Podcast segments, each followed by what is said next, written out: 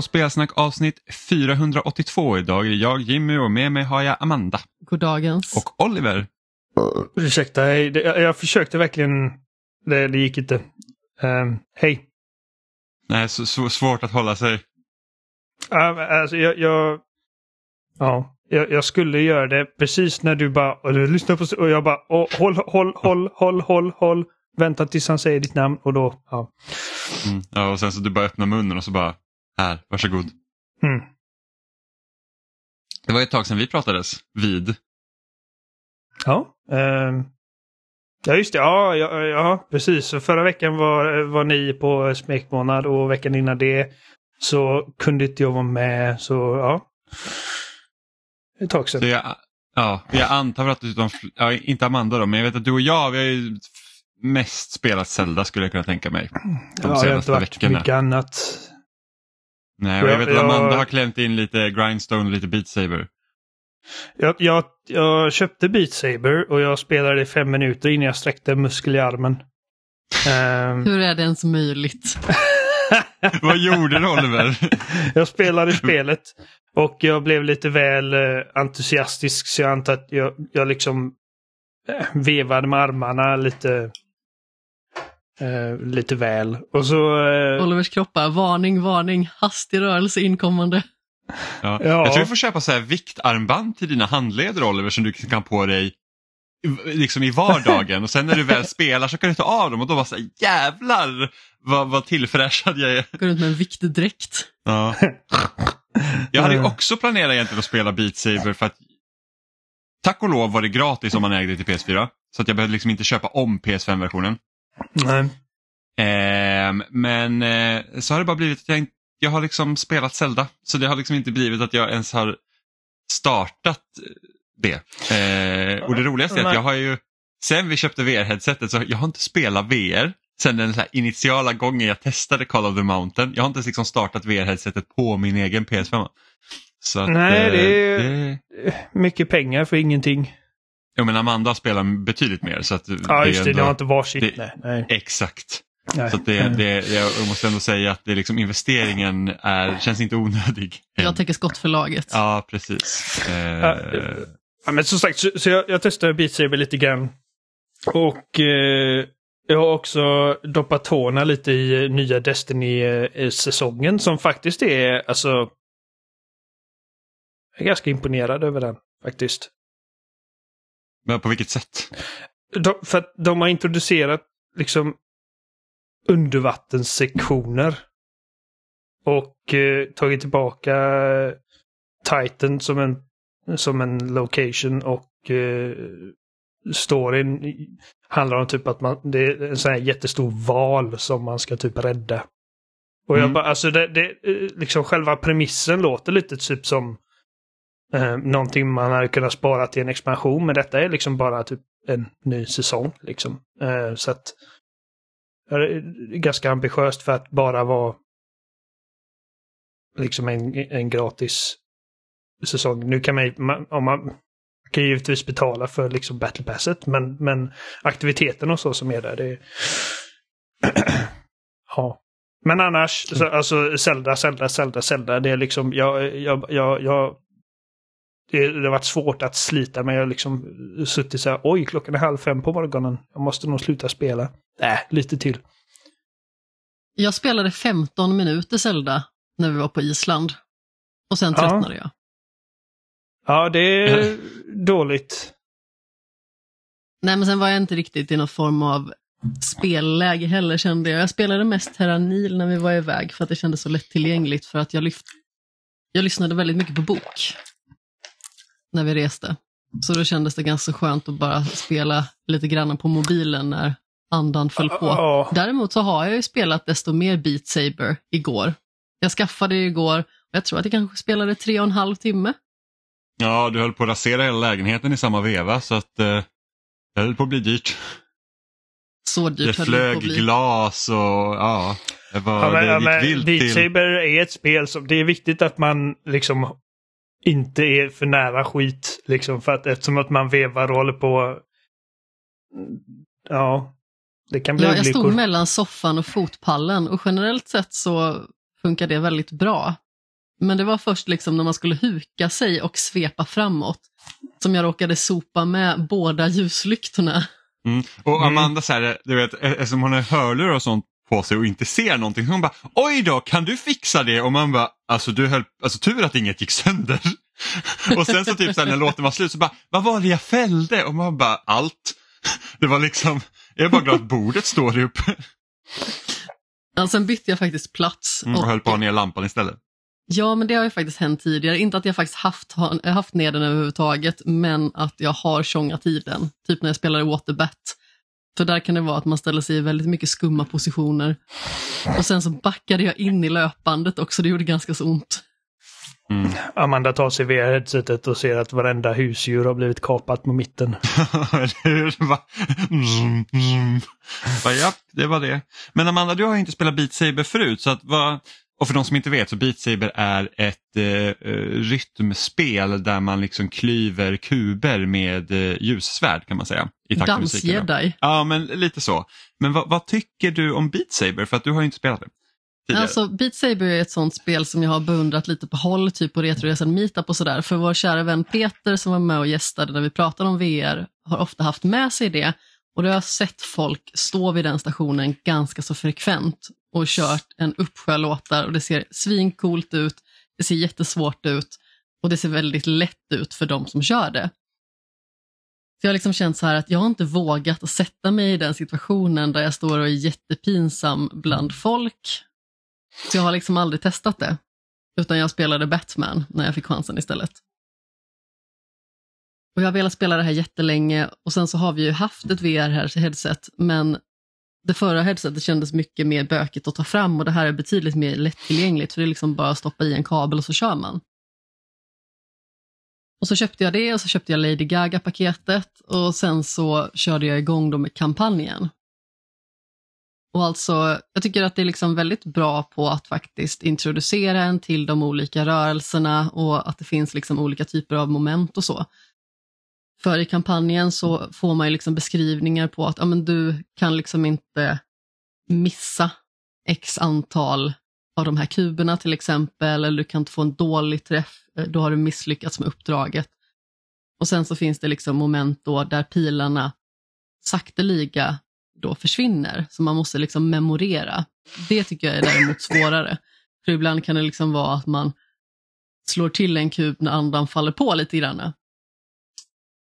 Men jag tycker att det är väldigt roligt och man märker ju liksom att man kommer ändå in i det ganska så fort. Sen så vet jag att det finns kombinationer som jag tycker liksom är svårare när det händer jäkligt mycket samtidigt och man ska slå åt väldigt många olika håll inom en väldigt kort period. Då kan jag väldigt lätt bli förvirrad. Och Ja, men det, eh, är- det är svårt. Alltså. failade typ på kanske, jag tror det var elvan i kampanjen. Där tog det tvärstopp för mig. Fram tills dess så kände jag att här går det ändå bra. Och jag spelade om vissa banor för jag tänkte att jag kan uppa det här lite och se om jag kan göra det bättre. Och då tyckte jag ändå liksom att det fungerade väldigt väl. Jag vill nog ändå tro att jag har en ganska bra rytmkänsla. Eh, de som var på vårt bröllop märker ju att jag inte är en dansare precis som vi säger så. Eller jag tycker inte att det är bekvämt direkt att ställa mig och dansa bland folk för att jag har liksom inte riktigt det i mig på något sätt. Jag vill vara en person som gör det. Men samtidigt så finns det liksom en obekväm ådra i mig, liksom när man känner sig ganska så utsatt och jag vet inte, jag känner mig ganska så löjlig i relation till vad många andra gör. Plus att jag inte dricker alkohol, vilket naturligtvis är ett eh, socialt glidmedel för väldigt många. Vilket gör att de på något sätt liksom tappar lite grann av det här eh, obekväma. Eh, men så, eh, det här gick ju ändå faktiskt väldigt bra för att rytmkänslan finns ju ändå där. Jag har ju instruerat gruppträningskoncept som är baserat på taktkänsla i, eh, vad kan det vara, nu är det 13 år faktiskt. Och det är kampsportsinspirerat då. Så det är ju liksom inte helt långt borta med tanke på att man har svärd och skit. Men jag tycker verkligen att det är ett eh, otroligt smart koncept. Och sen så är det ju väldigt roligt när man eh, kan spela med andra låtar än de som finns i originalpaketet. För jag tycker inte att de är dåliga på något sätt. Eh, jag tycker att de fyller sin funktion liksom i spelet där det liksom finns olika typer av hastighet, det finns lite olika genrer. Det är ändå lite granna i samma stuk för att det liksom ska passa konceptet på något sätt med lite mer elektroniskt och sådär. Men eh, som sagt, jag skaffade ju Lady Gaga-paketet och jag vet inte hur många gånger jag körde om Born This Way för att Ja, försöka typ så här, pe- en perfektera halv, den. två timmar gick på repeat där. Ja, men det var den bästa låten som fanns med. Och jag kände ändå att jag liksom kom igång med den också väldigt bra, för det är vissa rörelser som är ganska så lika en danskoreografi som jag faktiskt har liksom kört då till den låten. Inte helt lik, men som sagt det fanns, eller det finns, men det kommer att upphöra snart.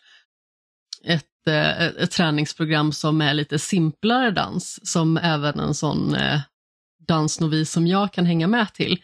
Och jag dansade det konceptet väldigt mycket förr, i och med att det låg väldigt bra i tid med mina egna klasser, så jag kunde kombinera det. Och så var det en skitbra instruktör som jag tyckte om jättemycket. Och då var den låten med. Så jag fick verkligen så här nostalgiska vibbar från när man gick från gymnasiet, runt hörnet, in till gymmet, gick på den dansklassen, sen instruerade sin egen klass. Um, så jag stod verkligen och nötte den låten så länge som möjligt. Jag fick bara S-rank, men det är ändå en S-rank, så jag är väldigt nöjd. Det kändes faktiskt bra. Um, som sagt, jag hoppas ju att kunna perfektera de här låtarna, men någonting som stressade mig lite grann, det var ju att man har ju två stycken olika färger på ljussablarna. Och de är vanligtvis röda och blåa. Men sen när man bytte till Lady Gagas paket, då bytte färgen. Och av någon anledning så blev det helt koko i huvudet för mig, för då var det en grön och en lila. Och jag bara så här, jag vet inte vilken arm som är vilken längre. Jag hade jättesvårt att ställa om till det. Mm. Jag undrar om inte man kan typ ställa in det i inställningar också, att man vill liksom ha den, eh, en viss färg typ hela tiden. Ja, men det måste man säkert kunna göra. Men som sagt, det var en sån grej som var oväntat oklart för mig när jag körde igång. Jag bara så här, vilken arm är vilken? Jag förstår inte längre. Och det är jättekonstigt egentligen för att det är fortfarande två olika färger. Ja, och sen så ser du, du ser ju vilken färg din ljussabel har i varsin hand också. Jo men precis, sen så hade jag ju dem ganska så långt ner så det är inte precis som att jag står och har dem precis framför nyllet hela tiden. Men eh, det var verkligen sådär att jag glömde av liksom vad kroppen skulle göra nästan helt plötsligt på grund av det färgbytet. Och jag antar att det liksom finns olika färgscheman då beroende på vilket musikpaket man skaffar. Jag tänkte kanske skaffa Queen, fanns lite Fallout Boy, lite Panic at the Disco. Har de några bra låtar i spelet så kanske jag skaffar dem också. Vad finns det mer? Det finns Billie Eilish, det finns Ja, Skrillex. det, det och BTS och lite sådana grejer, det finns lite allt möjligt. Ja, men precis. Men Lady Eh. Gaga kändes ändå ganska så självklart för att det känns som att musiken passar det här väldigt bra. Lite besviken på att Judas inte var med för att det är enligt mig den bästa låten. Mm. Den hade också gjort sig väldigt bra i spelet i och med att den har väldigt liksom, solitt tempo för det. Mm. Jag funderar, det jag tycker är lite synd med så här typ eh, rytmspel ofta, att det, det är väldigt stor brist på spelmusik. Alltså det, det, det är väldigt sällan det kommer liksom musik från spel som man kan typ köpa till de här grejerna. Man att, kunde köpa Rocket League-musik. ja, vilket kanske inte känns liksom heller som det, var att yes. Rocket League, liksom, lobbylåten, bara, mm. eh, inget ont menat egentligen om Rocket League-musiken. Även men- jag är förvirrad. Men jag minns typ, det var ju en jättestor grej i eh, Rock Band 2 när typ Stilla Live kom från Portal och jag vet att Guitar Hero 3 till Xbox hade väl Halo 3 musik också som man kunde köpa. Men det hör ju liksom inte till vanligheterna. Jag tror att det enda företaget som egentligen haft väldigt mycket spelmusik i sig när de har gjort musikspel det är Nintendo. Och då tänker jag först och främst typ på Donkey Konga. Där var ju liksom, fanns det en uppsjö av eh, eh klassiska Nintendo-låtar och sen så såklart Mario dansspelet som också kom till GameCube lär ju haft en hel del Nintendo-musik också. Eh, men det hade varit kul liksom så att, för jag tänker ändå Beat Saber, det finns ju egentligen bara på Playstation eh, på konsolerna då. Och det hade varit kul om liksom Sony hade kunnat släppa typ ett musikpack liksom med, med eh, musik från deras spel. Vad hade du velat ha för låt med? Och jag har faktiskt ingen aning. För att, eh, nu när jag tänkte efter, jag var så här, vad har Sony för så här, musik som hade passat The bra? Last Så of Us titeltemat. Ja, men liksom så här, visst, det kanske inte är världens bästa så här, typ, åh, The Last of Us-temat i Beat Saber, men det hade fortfarande varit kul att det hade funnits, tänker jag. Ehm, eller, eller liksom så här, kan de inte typ finansiera så att Yacht Club kan typ göra Shovel Knight Music Pack? Det hade ju varit asfett. Det hade varit häftigt. Eh, så att, så att eh, lite mer sånt hade jag velat haft men det, ja, man kan inte få allt man önskar. Men, men som sagt, jag har ju aldrig köpt DLC till Beat Saber på PS4. Eh, för att, just för att det var så jobbigt att packa upp det jävla headsetet och tänka så här att amen, jag tänker inte köpa musik för någonting som jag förmodligen inte kommer spela. Men alltså nu med, ja, paradoxalt nog så har jag inte spelat mycket VR2 heller men, men eh, det är i alla fall lättare att starta upp. Men du, du är nöjd ändå med Beat Saber? Ja men verkligen, Är- jag har ju suttit och väntat på det här släppet ju faktiskt. Ja, men är det som du trodde liksom att du, alltså, nådde det upp till dina förväntningar av Beat Saber? Ja absolut. Det är faktiskt så att jag har eh, upprättat ett eh, dokument, ett kalkylblad på mina skämspel. Jag har liksom inte skrivit klart det helt utan jag har liksom bara börjat nosa på det lite grann. För att det kom en fråga på vårt bröllop när det liksom var en sån här tipspromenad hur många spel som jag har i min skämshög. Och jag vet ju liksom på ett ungefär hur många det är naturligtvis. Men jag tänkte att nu ska jag faktiskt göra ett riktigt dokument så att jag ser vad jag har för spel och sen så kan jag liksom pricka av dem. Och nu har jag faktiskt prickat av det första spelet, det vill säga Beat Saber. Mm. Och jag, jag, kan bara, jag har ju typ så här hur många, jag köpte ju något så här typ Indie Megapack när det var som skulle gå till någon välgörenhet där man typ fick 450 spel för typ en hundring. Eh, så Det att, blir ett långt dokument. Yes, om jag skulle göra samma sak. Sen har jag, alltså jag kommer ihåg att det var typ på Xbox One också när de började rea ut ganska mycket spel så köpte man, man bara, men det där spelet skulle jag kunna tänka mig att spela, så man köpte bara spel för att köpa och sen så spelar man dem inte. Eh, så att jag har ah, jätte, jättemånga spel verkligen. Jag funderade någon gång så här, om man skulle köra någon utmaning så att något år, så här, jag ska inte köpa ett enda nytt spel, jag får bara spela gamla spel. Och så gjorde det mig jättestressad över att okej, men då kommer jag ha ett år där jag måste ta igen en massa grejer. Så att eh, jag sköt ner den idén ganska snabbt för jag var så här, det kommer inte jag klara av. Nej, vår kära vän David som var med oss och pratade i Skämshögen senast, det avsnittet har inte släppts än, även att det spelades faktiskt in, innan bröllopet. Men det är bara för att jag inte har haft tid att redigera den, för att jag har spelat Beat Saber höll jag på att säga. Nej, men jag har inte haft eh, tid att redigera det. Men han pratade lite grann om att han hade liksom ett sånt system då, att han fick inte köpa ett nytt spel förrän han har klarat ett då ur sin bakkatalog. Och det är väl ändå något fint i det kan jag tycka. Men jag hade ju aldrig klarat att hålla det för att det kommer liksom så himla mycket nya spel och man känner ändå att man behöver vara med i svängarna till en viss mån. Men det finns många som kör lite på den devisen. Jag vet att min idrottspsykolog, han hade så att han fick inte köpa ett nytt klädesplagg såvida inte han gjorde sig av med ett ur sin garderob. Ja, men det kan ju vara ett bra sätt liksom att förhindra överkonsumtion. Så att, säga att köp inte spel som du inte tänkt att spela på en gång för att då kommer du bara lä läggas i en hög. Och så här, varför ska du spendera de pengarna om du ändå inte ska Mm, göra någonting med dem? Så, att det, Grunden är ju liksom väldigt klok, det får man ju ändå säga. Men jag hade inte kunnat hålla det, inte heller med kläder kan jag säga. nej, jag håller ju ändå rätt så bra med spel nu i alla fall. Att jag, alltså, även om det är spel som är på rea som jag känner att Åh, det där ska jag vilja spela. Och så är det så här att kommer jag spela det nu? Nej. Så då köper jag det inte. Så jag har ju haft där, jag har haft fingret på köpknappen på Marvel Midnight Sun hur många gånger som helst och bara så här att jag kommer inte spela det nu. Så att, och det kommer komma på rea igen så att jag, jag köper det sen. Det är lite roligt för att jag beställde ju Returnal. För att det var liksom så pass rabatterat, det var typ nere på halva priset. Då kände jag att ja, men nu kan jag liksom införskaffa det för det var fortfarande jättedyrt på Playstation Store. Och så i alla fall så i samma veva så dök det upp ett Marvels Midnight Suns för också en jätterimlig peng. Så då tänkte jag beställer båda dem. Vilket spel kommer inte? Returnal, för att det var slut. Ja, det är typiskt. Å andra sidan så när mitt sånt helår på Playstation Plus hade gått ut, då uppgraderade jag det istället så då fick jag Returnal. Så alla vinner höll jag på att säga. Alla vinner. Ja, Du och jag ska spela det. Det Ja. ligger också i skämshögen. Precis som Marvel Midnight Suns. ja precis. Eh, men Oliver, du och jag har ju spelat mer Zelda. Ja, Och jag antar att du hade spelat betydligt mer Zelda när du pratade om det än vad jag hade spelat när jag pratade om det för typ två veckor sedan. Eh, för då, då hade jag typ bara spelat, ja jag började väl närma mig typ 10 timmar eller någonting sånt. Eh, och nu, har jag, nu är jag över 50 timmar då. Hur mycket Zelda har du spelat? Jag tror jag är uppe i 80. har du klarat ut huvudberättelsen? Nej. Eh, Jag har gjort tre tempel. Ja, Okej, då, då ligger jag nog då ligger jag före dig i, eh, i, liksom, i den delen. Då.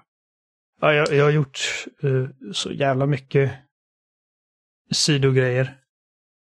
För att det, det är någonting som det är någonting jag tycker det här spelet gör ännu bättre än Breath of the Wild är det att du ehm, för det är precis egentligen samma som Breath of the Wild, det är så att du liksom, du blir inte egentligen Spelet säger inte åt dig att gå hit, gå hit, gå hit, gå hit hela tiden. Utan du är väldigt mycket så att den knuffar dig åt i olika riktningar och sen så är du väldigt fri att bestämma själv vad du vill göra.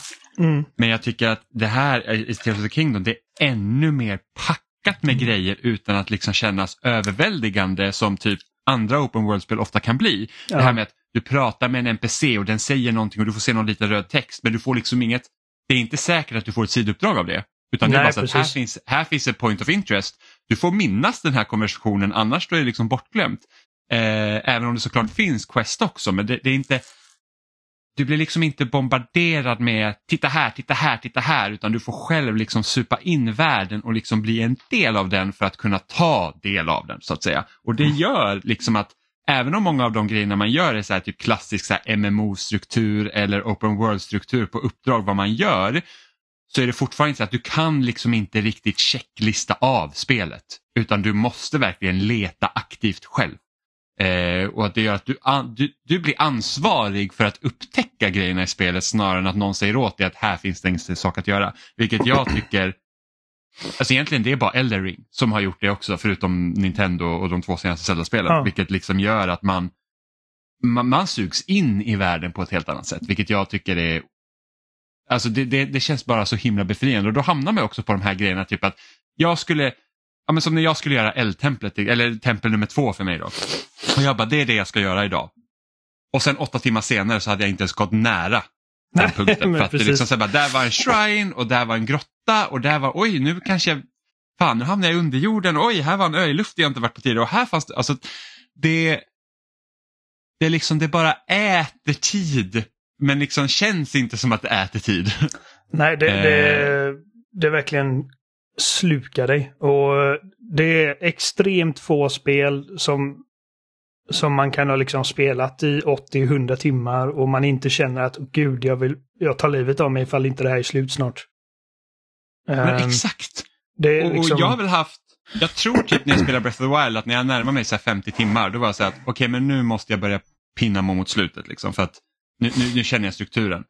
Eh, och i, i Tears of the Kingdom så har det varit så att nu är jag över 50 timmar och var så här att ja, jag har haft vissa delar där var så att okej men nu vill jag komma fram lite längre liksom i huvuduppdraget då, så att liksom jag känner att det, det börjar liksom ta fart lite. Och sen så kommer man ändå in på avstickare för det är så att ja, men nu har jag fått lite huvudstory nu går jag och gör något annat igen för att jag, jag säger att ja, men jag kanske vill ha lite bättre gear eller jag vill upptäcka en ny eh, sonar device eller jag, jag, jag behöver ha lite mer batteri liksom. Eh, till, till, så att jag kan liksom bygga coolare grejer. Så det, jag tycker att de har liksom ökat omfånget på spelet på ett väldigt bra sätt som gör att det inte känns bloated om man säger så. Mm. Jag, jag tror att eh, alltså det enda som talar emot Tears of the Kingdom för att vara liksom det bättre spelet av de två är att det är inte första gången man spelar den här typen av Zelda-spel. Exakt. För och det är inte ett nytt Hyrule. Precis, för att när... eh, Och, och, och, egentligen så att, att de återanvänder Hyrule, det gör mig faktiskt ingenting. Men, men det, det har ändå den effekten liksom att det inte är en, en purfärsk upplevelse liksom. Och Breath of the Wild, ehm, det kändes väldigt speciellt att upptäcka det här, liksom, den här nya Zelda-riktningen för första gången. Och upptäcka alla systemen. Mm, Liksom så här, vad gör matlagning? Hur uppgraderar man armor? Hur, hur funkar det med vapen? För det gör att som van eh, då Breath of the Wild-spelare när man hoppar in i Tears of the Kingdom, det gör också att man kan hoppa över vissa grejer. Det är som att jag behöver inte gå till den här typ fiendelägret för att det kanske finns en kista där med typ en pilbåge jag inte vill ha. typ. Mm. Ehm, och så här, jag behöver inte testa de här olika matlagningsgrejerna för att jag har gjort det förut och det är ungefär likadant. Men det de har gjort så smart här, liksom också just det här med att de tog bort de gamla förmågorna och la till de nya, det är det att du som har eh, redan utforskat den här versionen av Hyrule har så himla mycket annorlunda sätt att utforska Hyrule igen med, med liksom de här, att du kan bygga olika liksom färdmedel och sånt. Det gör liksom att, för att hade det varit det här samma typ, ja men du måste klättra upp för de här bergen, du liksom, det är de förmågorna du har. Då hade liksom bara sagt, men vad fan ska jag klättra upp för det här berget igen? Medan nu är det så här, bara, "Ja, jag ska upp för det här berget. Jag minns att det var skitjobbigt att klättra upp för det i Breath of the Wild, men nu bygger jag en liten så här, luftballong här och åker upp istället. Mm. Det, det är otroligt smart hur de har liksom introducerat de nya förmågorna och tagit bort de gamla. Det är liksom, Jag, ja, jag, jag har svårt att sätta ord på hur imponerad jag är av, av spelets olika system. Och alltså, där, där är några av världens bästa speldesigners som har gjort detta. Alltså Mm. tveklöst. Och eh, jag vet liksom hur de pratar om det som jag, nämnde förra veckan. Liksom när, jag, när jag pratar med eh, liksom folk på, på studion. Liksom att de, de får liksom magsår bara av tanken. liksom på arbetet. Liksom hur, hur jävla... Och, och, det, det, jag har ju cirkulerat på Twitter den här liksom giffen när någon har satt två däck på en liksom sträng av plattor som bildar en bro och sen så liksom sätter man igång däcken så att de sträcker ut sig och formar den här bron. Och bara Ja, det här liksom typ att, att, se detta som speldesigner gör en väldigt ödmjuk. Och liksom för, för någon som inte liksom har någon, liksom något grepp på spelutveckling och liksom vad, vad arbetet som går in i liksom få de här sakerna att fungera. Så ser det kanske inte jätteimponerande ut, men det är alltså det var några år sedan när det gick runt på Twitter också, liksom på så här Game Dev Twitter, liksom att, att en vanlig dörr kan vara jävligt svår att få att fungera. Och här har de alla de här liksom systemen som tillåter dig att skapa dem. Alltså det enda som jag känner är begränsningen i Tears of the Kingdom är min egen fantasi. Mm. Och liksom om man går in på Reddit och på Twitter liksom, alltså det, dagligen ser jag videos på, på folk som har gjort de mest helt sinnessjuka grejer. Liksom, alltså battleships och typ... ja men ty, alltså bara typ den här lilla drönaren som bara sprutar ut dödslaser. Ja. Liksom. Man bara, what? Och jag bara alltså... Jag, jag har spelat 80 timmar av det här spelet och jag har ingen aning om hur de har gjort detta. Liksom. och... Eh, ja, nej, så att det, det är... Och just att liksom inga laddningstider i världen och det, jag menar, visserligen på ett tekniskt plan så är det ju liksom, det, det, det är inte 4K och det är inte liksom 60 FPS. Det är inte ens stabila 30 FPS. Men att det här spelet ens existerar och fungerar på switchen. Alltså det är, det är monumentalt. Jag kan inte, Mm. som sagt, jag kan inte sätta ord på hur jävla imponerande det här spelet är. Och eh, Mm. som sagt, det är ju liksom... Det, ko- det kommer inte riktigt med nyhetens behag som Breath of the Wild gjorde. För att det var liksom en sån stor, liksom... ehm, en, ett stort, liksom, leap framåt för Zelda-serien. Ehm, när det kommer till liksom skala och, eh, och, och Mm. alla de här grejerna. Och, eh, Ja, men speciellt också när jag tror att man förväntar sig bara okej men de försöker någonting nytt med Zelda men det kommer typ vara som vanligt. Och sen så var det inte det. Nej. Och, och vi har ju pratat om, om de grejer som, som, även om vi älskade Breath of the Wild givetvis, så har vi liksom gång på gång på gång pratat om de grejer som man kanske har saknat från föregående Zelda-titlar. Som Mm. eh, mer liksom eh, mer distinkta dungeons och eh, lite mer av en berättelse. Och jag känner att berättelsen är definitivt eh, mer sp- spännande i det här spelet än Breath of the Wild. Både ja och nej för min del. Jag känner typ att för I Breath of the Wild var det också så mycket för att där, där gick så eh, berättelsen hand i hand också med att du upptäckte Hyrule och just det att Link hade liksom varit död då i hundra år eller liksom legat i dvala i hundra år så var det så att du och Link hade ingen aning egentligen om vad som hade hänt. Så att ni fick upptäcka båda två och då hamnade det här, liksom så här upptäck de här minnena. Liksom tematiskt fungerade väldigt bra. Mm. Eh, och, och, och de försöker göra typ lite samma grej i Tears of the Kingdom men jag, jag, jag känner någonstans att jag hade gärna liksom kunnat när man typ kör huvudstoryn liksom och bränner på det spåret att man har liksom fått kanske lite mer berättelse. Ja, alltså det är fortfarande inte lika... ehm, Det är inte Ocarina of Time eller, eller liksom Skyward Sword. nej, Liksom. nej det är det inte. Men, men jag, jag, jag känner definitivt att jag är mer investerad i att liksom få reda på vad som har hänt och när, när man har mellansekvenser så är de mer gripande än vad de var förut. Ehm, jag kan inte riktigt gå in på vad jag gillar så mycket med det utan att liksom börja prata om story spoilers. Och eftersom att det är ett sånt stort spel så vill jag inte göra Mm. det än för att liksom, folk har förmodligen inte kommit. Det, det, det är nog väldigt många som, som inte har liksom kommit jättelångt i spelet än. Nej, de sitter och konstruerar sina jävla mördarrobotar istället. Ja. Och bara. Men, men en sak, jag, jag, tycker Zeldas roll i den här berättelsen är jättespännande. Mm. Ehm, för att i, i föregående, i, i Breath of the Wild var det liksom att ja, hon är i, slottet och hon håller Ganon där. Liksom, hon hade inte så mycket att göra förutom då liksom i flashbacks.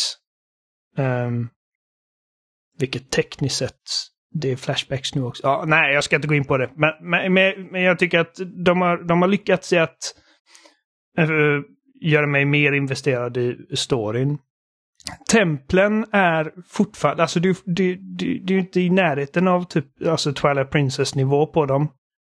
Ehm, Jag tycker templen till stor del inte är speciellt roliga. jag, jag tycker att de jag tycker att de är betydligt bättre än Divine Beasts. Och jag Ja, tycker det att, eh, för att de har mer, även om de är väldigt formulaic i... För all, alla templen har liksom sin version av tryck på de här fem knapparna. Mm. Så, så Eh. inte jag, det, det är typ fem shrines satta i ett tempel typ. För att va, va, eh, liksom, rummen går sällan in i varandra när du löser dem utan det är så att du kommer till det här rummet så löser du det rummet och så är du klar. Så får du gå till liksom, Precis. får du hit, ja. eh, Men det jag skulle också vilja lägga till där egentligen att vägen till templet Ja. är ett Det- det är pussel som som, jag skulle del vilja ge ett tempel. Precis, så det är väl det. Men, men som sagt, det, det når inte ens i närheten av, av nivåerna som det gjorde liksom i, i, i det traditionella gamla Zelda. Då. I, i hur man liksom så här, Nej, nej. Du hittar ett item här, templet bygger på det itemet och sen så måste du, liksom, du måste lösa hela dungeon med olika nivåer liksom, som, som, som går in och ut i varandra. Eh, så det saknar jag fortfarande. Ja, samma här. Men samtidigt så det, det är en förbättring och jag, eh, och jag uppskattar att templen är liksom eh, lite mer distinkta rent visuellt. Än vad de var i föregående spel Ja. också. Ehm, och det är alltså som sagt eh, liksom det har inte i närheten lika spännande strider som Breath of the Wild, eller säga, eh, som Horizon. Uh, och det har inte i närheten lika spännande bossfighter som Elden Ring. Så att det är liksom, det är inte ett perfekt spel, men när man liksom tar en så här macro-view på det så alla de här liksom grejerna som man känner, ja det här hade- hade jag kanske önskat att det var lite bättre. Allt sånt där spelar väldigt lite roll på det stora hela för mig. För att Mm. eh, det, kreativiteten som, som det här spelet inte bara uppvisar i sin design, utan också tillåter spelaren, är... eh, eh, alltså, det, det, det är helt, helt sjukt. Ja, igår gjorde jag en shrine som jag har sett att väldigt många har haft problem med på Twitter. Liksom att de har inte ens kunnat förstå hur de ska lösa det så de har liksom så här fullöst det liksom. Man Mm. har byggt någon liksom väldigt eh, suspekt anordning för att liksom kunna lösa det. Och det, det man gör egentligen, du ska liksom, det går en rail som du ska liksom få, du, du har tre stycken sten, nej fyra stycken sten, sten, liksom stenplattor eh, som du ska montera då på, på eh, rails. Som ska sen med, med fläktar liksom pushas runt en bana så att du liksom kan komma Mm. ja, men till shrinen. också gjort, ja. Och jag satt igår och jag var så här, och jag bara, ja, men jag vill lösa det här korrekt nu. Eh, liksom så att jag, jag måste liksom förstå vad är det de vill. Och jag började liksom bygga så här, men så här, det här tror jag liksom är första steget då. Och så, så testar man och åker så bara, det här funkar inte.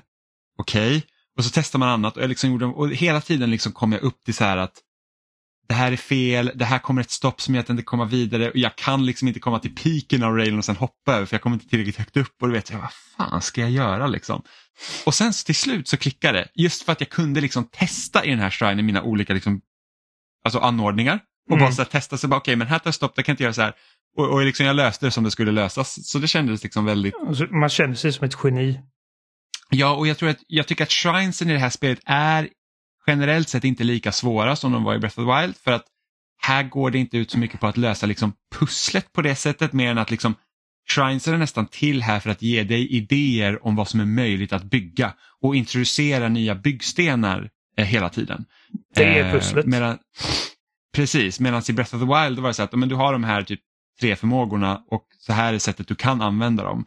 Medan i, i Tears of the Kingdom så har du liksom byggandet är så centralt men du får liksom inte alla byggstenar till byggandet på en gång utan de introduceras allt eftersom under spelets gång vilket gör att den här liksom Ultra Hand och Fuse och alla de här liksom förmågorna de, de växer hela tiden. Eh, på sätt som man liksom inte ens kan föreställa sig när man liksom bygger sin första flotte när man är på liksom tutorialön. Eh, Ja. Så det gör att också shrinesen känns väldigt roliga när man kommer in i dem. Och, det, och hittills har jag liksom inte sett att det är någon shrine egentligen som återkommer som det var typ i Breath of Wild. Där kunde det vara så att ja, men här är din så här fighting eh, test igen och då är det samma Mm. fiende du ska möta förutom att han kanske är lite starkare den här gången. Ja, Nu har Medans de en variant där de liksom släpper in dig naken och de tar alla dina items och du ska eh, ha ihjäl med fienderna med bara materialen som du hittar i shrinen. Och det är Ja. liksom, jag tycker att de är rätt kul för att eh, de är så pass annorlunda att det inte känns som att man gör samma utmaning om och om, och om igen. Och man liksom, Nej, man sätter sig lite så här liksom, eh, ja men typ, eh, vad skulle jag säga var, eh, vad fan kallar man det? Alltså, typ som Battle Royale, liksom att du bara, du släpps i den här miljön och du liksom snabbt måste hitta vad du än kan för att kunna försvara dig. Ja men precis. Jag körde en sån igår där, där det var, där, den var liksom fordonsbaserad och så, kunde man, så fanns det en liten inhägnad i mitten som man kunde ta sig in i och där var ju typ tanks och skit. Ja, Och liksom, jag bara satte mig på en sån där det var så här kanoner och lasrar och, och el och liksom jag bara, alltså jag verkligen bara I destroyed ja. everything. Så det, det var liksom rätt så kul. Då är det så här bara, just det man kan så här kan man använda de här grejerna och vissa av de sakerna hade jag inte sett tidigare så jag visste inte att de fanns. Så det, det var också väldigt kul. Men sen också liksom, man, man ser ofta liksom när folk visar upp klipp på hur de har löst olika shrines och så ser man alltid folk bara oj, är det så man ska göra? Jag gjorde så här och så här och jag tror liksom att Mm. det är det också som är imponerande. Att jag känner inte liksom att det i, de här, i det här spelet alltid finns en okej, så här ska du göra. Utan de har lämnat det utrymme till att kunna lösa det på lite olika sätt. Liksom. Och det, det är kul när man ser någon, som du sa, liksom, riktigt fulbygge. Så här, liksom, man ser typ desperationen i att och jag har staplat ihop så här, 13 av de här grejerna som tillåter mig att liksom göra detta. Ja, ja, ja. Eh. men det, det är ju samma med han den här eh, eh, karaktären som står och håller den här skylten som man ska Ja. försöka hjälpa stötta upp. liksom bara det att få igång tänket att säga att så här fungerar fysiken i det här spelet och det här, när du sätter ihop de här delarna så kommer du kunna hålla upp på olika sätt och det är ju jätteroligt. Man liksom så här, Ja. Och där kan man ju verkligen tala fulbygge. Det är verkligen så att jag har försökt stötta upp den här så mycket som möjligt så att den inte ens liksom rör sig en millimeter. Jag hoppas det funkar. Och även med de här Eh. lata core och eh, gubbarna. Liksom att eh, ibland så är det bara kul att bara sätta en raket på dem och se dem bara uff, flyga iväg. Ja, de, de här, så här, när jag kommer förbi en sån jävla Korak med sin jävla väska, jag säger nej du får fan ligga där. Jag orkar inte, I, I won't deal with you. det, ja. nej, men det, det, det är ett väldigt imponerande spel och eh, ja, det, som sagt, det slår inte lika hårt som Breath of the Wild men det är bara för att nyhetens behag och allt det där. Men det är, det är en, ja, men i slutändan skulle jag ändå säga att jag, jag tycker det här är bättre än Breath of the Wild. Det, men, men som sagt, det, det är ju den grejen liksom att som Assassin's Creed Brotherhood inte liksom hade samma oomph som Assassin's Creed 2. För att det var liksom en fortsättning på... Men sen vet jag att det finns folk som tycker att Assassin's Creed Brotherhood är liksom deras favoritspel i serien. Så att... Eh... Ja, nej. Det, det är... Jag är, jag är ständigt imponerad av det. Och det är som, mm. som du pratade om, den, den, viktiga distinktionen mellan ett spel som Tears of Kingdom slash Breath of the Wild slash Elden Ring jämfört med andra Open World-spel är liksom att i de här spelen så utforskar jag på riktigt. Liksom.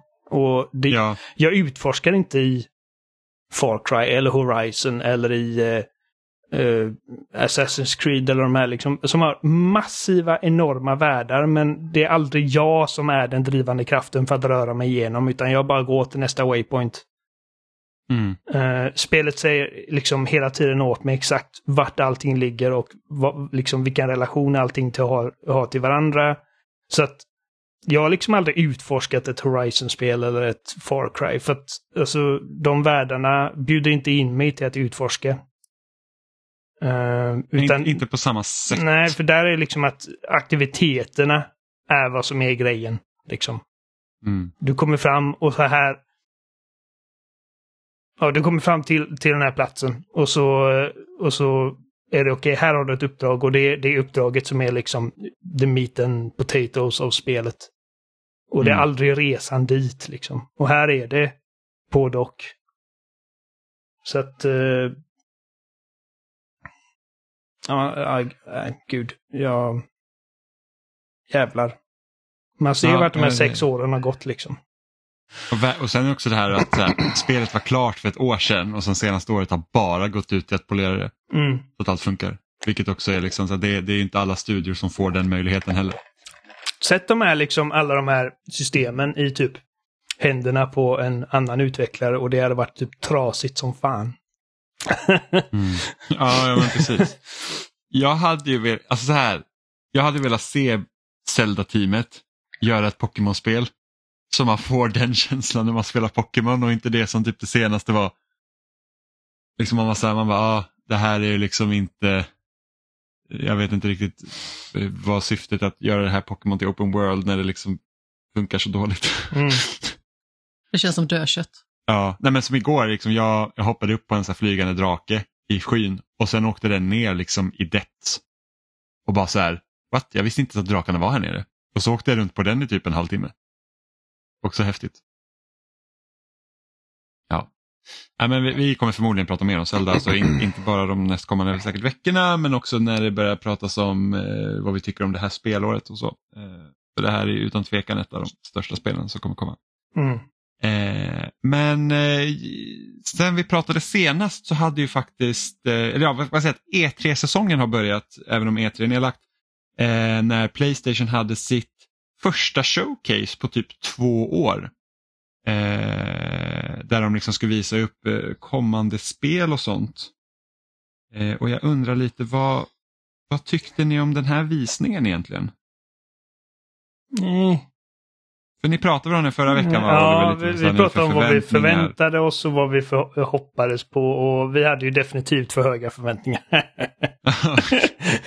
det har man ju alltid. Ja, ja, men alltså jag tror att alltså Sony har, har ju liksom, alltså deras lägsta nivå är ganska hög när det kommer till sådana här showcases. Och eh, jag tror att, jag känner inte att vi eh, satte några orealistiska förväntningar baserat på liksom hur de har presterat förut. Uh, och särskilt då med tanke på att uh, det, det, är liksom, detta är inte en vanlig State of Play, det är en Playstation Showcase och det har vi inte gjort på två år och detta ska liksom vara över en timme av reveals och grejer och då känner man okej. Okay, för att det är en hel del grejer som vi vet att Sony håller på med. Som vi inte har sett någonting av. Så att... Ja, och sen för, förutom så egentligen Insomniacs, Spiderman och Wolverine som de, som de utvecklar så har vi inte gett jättestor koll på vad resten av studiorna gör. Nej, nej men vi vet ju liksom att alltså, Sucker Punch lär ju eh, hålla på med nästa Ghost och eh, eh, Naughty Dog eh, med sitt Factions som nu vet inte fan om det kommer komma ut.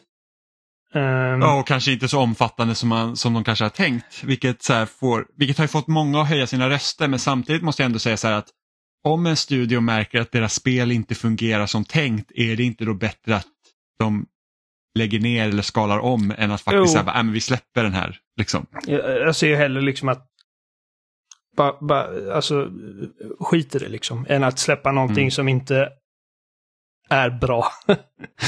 Ja, och Eh. sen så känner jag också så här att, typ att eh, läget i mitt liv just nu gör att jag är inte så här överdrivet pepp på typ någon multiplayer alls. Känner jag. Jag, jag gillade ju verkligen Alltså- multiplayer i Last of Us och jag var ju jä- jävligt nyfiken på liksom hur ett liksom dedikerat multiplayer-spel från Naughty Dog skulle sett ut. Men, men som sagt, det hade inte Jag varit... gråter inte över ett spel som vill äta upp all min tid, inte Nej. kommer eller kanske inte kommer än. Det hade ju varit värre om jag fick höra att typ Last of Us Part 3 hade lagts ner. Liksom. Ja, exakt. Eh, men, men så, så på det stora hela så liksom, jag, jag var ju liksom nästan helt säker på att de skulle öppna med Spider-Man. För att det är liksom Mm. det spelet som alla vet kommer vara där. Alla, för att liksom, det, det var helt otänkbart att det inte skulle visas upp. Det ska släppas i år och Insomniac har flera gånger liksom styrkt att jo, men det är on track för i år och varför skulle det inte dyka upp på det här? Och eftersom att alla har de förväntningarna tänkte jag att okej, men då, då öppnar man starkt showen med den. För att det är liksom vad alla förväntar sig. Och sen så, så väntar man med liksom de stora överraskningar till slutet. Och när Jim Ryan kommer upp och säger ja, vi ska visa vårt sista spel och Spiderman inte har visat, jag bara okej. Ehm, Det var det. jag menar, jag, jag, ja, jag, jag hade förväntat mig bra mycket mer eh, från, från första part då, givetvis. Och det betyder inte att jag tycker att det de visade var tråkigt eller dåligt. Eh, jag tycker att de visade upp många spel eh, från tredje part och indiespel och, och grejer som, som jag absolut är eh, nyfiken på. Så att innehållet i sig var det inget fel på. Det, det är bara liksom att de grejerna man verkligen hoppades och väntade, eller inte ens hoppades, förväntade sig skulle visas. Mm. Eller pratas om. Inte dök Ja. upp. Jag, jag tycker det roligaste med det här Playstation Showcase är att Sony har nog aldrig känts lika mycket som Microsoft som de gjorde vid den showcasen.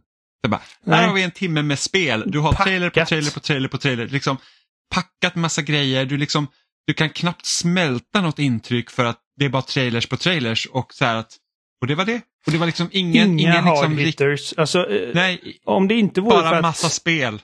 Precis. Liksom. Om det Ja. inte vore för att dels att Metal Gear Solid 3-remaken, att det liksom hade läckt hundra gånger. Liksom alla, alla visste att det skulle vara där. Eh, och att det bara var liksom en CGI-trailer.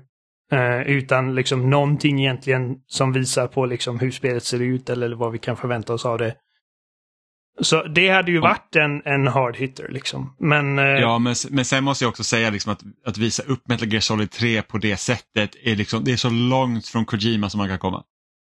ja, ja, ja Liksom, definitivt. alltså, visst, du kanske inte behöver ha en 15 minuter lång trailer på en remake av Metal Gear Solid 3, men liksom inget av hans liksom Ingen av hans stil i hur han regisserar trailers fanns ens där. Det var liksom, alltså det var typ som att, jag tror det var du Amanda som sa det, att det där är väl Metal Gear Solid 3. Och jag var så här, nej jag vet inte fan typ, bara för att visar man verkligen upp Metal Gear Solid 3 på det här sättet? Typ, ja. Nej, jag fattar inte det Ja, men det var också jag upp. som sa typ något i stil med att alltså, det ser ju inte ut som att det är det, men så kommer säkert det dyka upp en man i bandana när de zoomar in här. Mycket riktigt. Ja, Ja. precis när hon sa det så kom han fram. Liksom, så att det var, ja. Vad tyckte du överlag, Amanda? Alltså jag tyckte det kändes som att det var indisarna som var mest spännande. Det fanns ju faktiskt en hel del som eh, alltså jag garanterat kommer spela. Vi har ju till exempel eh, Giant Squids nya spel Sword of the Sea. Som eh, jag antar att Austin Wintory kommer vara med och skriva musiken till, så det lär ju bli en ganska så känslosam resa tänker jag.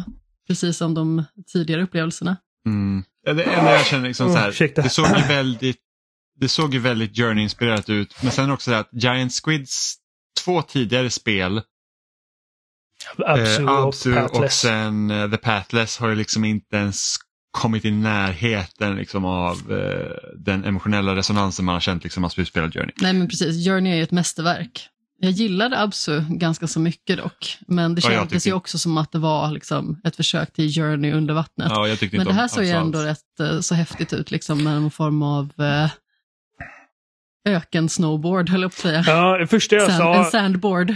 precis, det första jag sa bara, ja det där ser ut som Journey Sand.